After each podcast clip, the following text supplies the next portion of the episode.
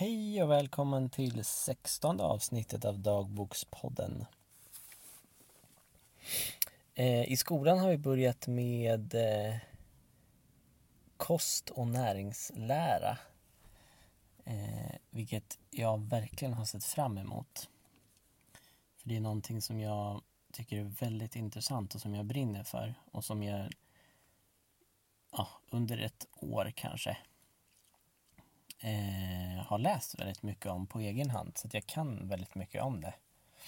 Hur olika saker påverkar vår kropp och hur det fungerar i kroppen och sådär. Så det har varit jätteroligt att vi har börjat med den kursen. Och det som har hänt då är att eh, jag nog aldrig har sagt så mycket under lektionerna som jag gör när vi har kost och näringslära. Eh, just för att jag kan så mycket saker. Och det blir roligt liksom ur två aspekter på något vis. Dels är det roligt att kunna mycket saker. Alltså det är kul när jag märker att jag kan saker. Och sen är det också roligt för att jag får utmana mig själv att säga vad jag tycker. Alltså att uttrycka min åsikt. För det är någonting jag alltid haft svårt för. Eh, som hänger ihop lite med att jag eh, lätt rodnar och sådär när jag ska göra det.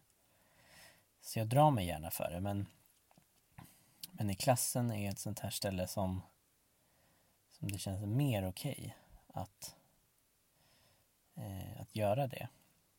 Fast jag rodnar till och med, för det gör jag oftast. Även i klassen. Men när vi började skolan, höll jag på att säga, inte när vi började men ah, nu kommer jag inte ihåg när det var. Det var, men det var nog i slutet på höstterminen någon gång som vi var iväg och eh, skulle ha så individuella samtal med varandra, alla i klassen. Så att alla, alla fick liksom prata med varandra enskilt en liten stund. Och ge varandra feedback på olika saker. Eh, både positiv och konstruktiv. Och då var det väldigt många som tog upp just det att de vill att jag ska ska prata mera. Att jag ska säga vad jag tycker och uttrycka min åsikt. Ehm, och det får jag verkligen jobba med nu. Och som sagt under den här kost och näringslärarkursen så så blir det lite extra roligt just för att jag kan så mycket. Det är inte bara att jag räcker upp och frågar saker utan nu kan jag verkligen eh, berätta saker som jag kan och även tipsa om saker och sådär, vilket är jätteroligt.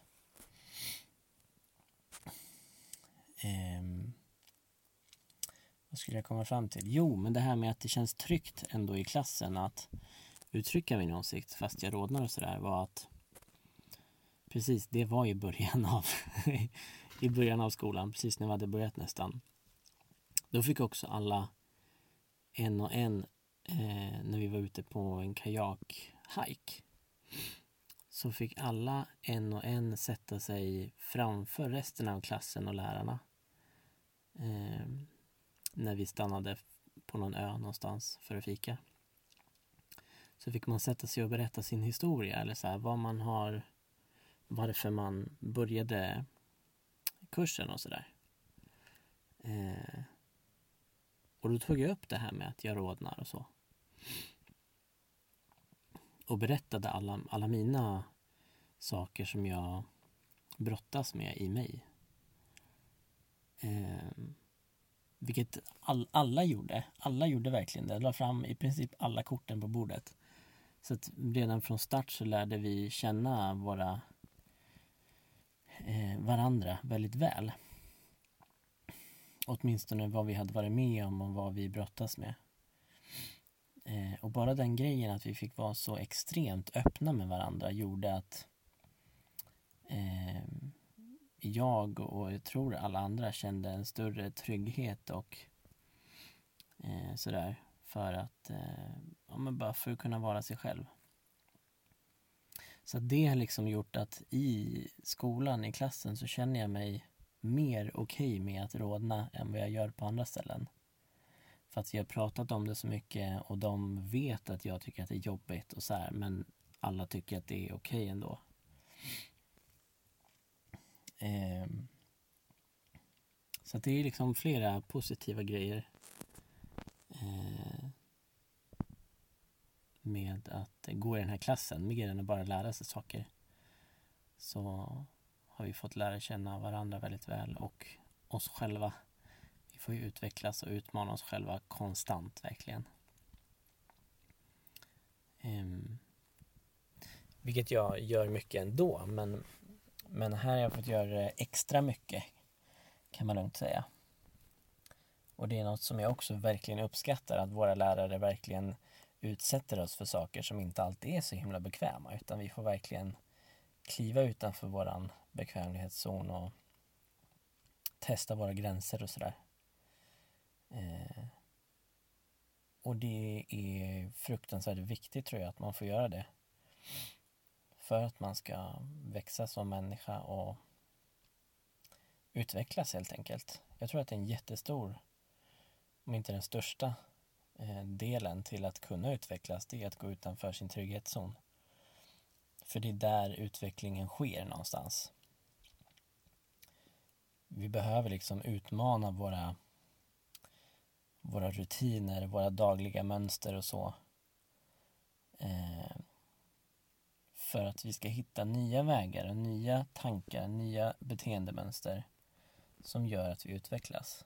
Om vi hela tiden håller oss innanför den här lilla boxen och går, går i samma mönster och rutiner varje dag då finns det inte så mycket utrymme för växande och utveckling, tänker jag. Ehm, mm. Så viktigt det här med att utmana sig själv också.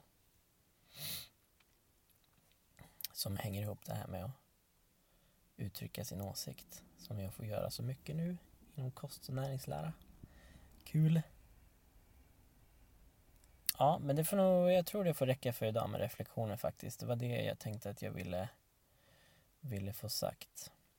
Jo, jag vill säga det här också. Tidigare i början har jag ju spelat in avsnitten dagen efter. För att jag vill få med eh, ja, allt under den tidigare dagen så att säga. Men nu känner jag att jag tar det lite när jag tycker att det passar. För några gånger har jag gjort samma dag, spelat in samma dag. Jag tror jag nämnde det någon gång också. Eh, dels för att jag hade fullt upp dagen efter och sådär. Men sen också om jag känner att shit, det här vill jag verkligen förmedla nu. så gör jag det. Då spelar jag in det på en gång. Eh, så det kanske kommer vara lite olika så om jag spelar in det från samma dag eller dagen efter eller så. Bara lite parentes. Anyway, tack för att du lyssnade. Vi hörs i nästa avsnitt. Hej då!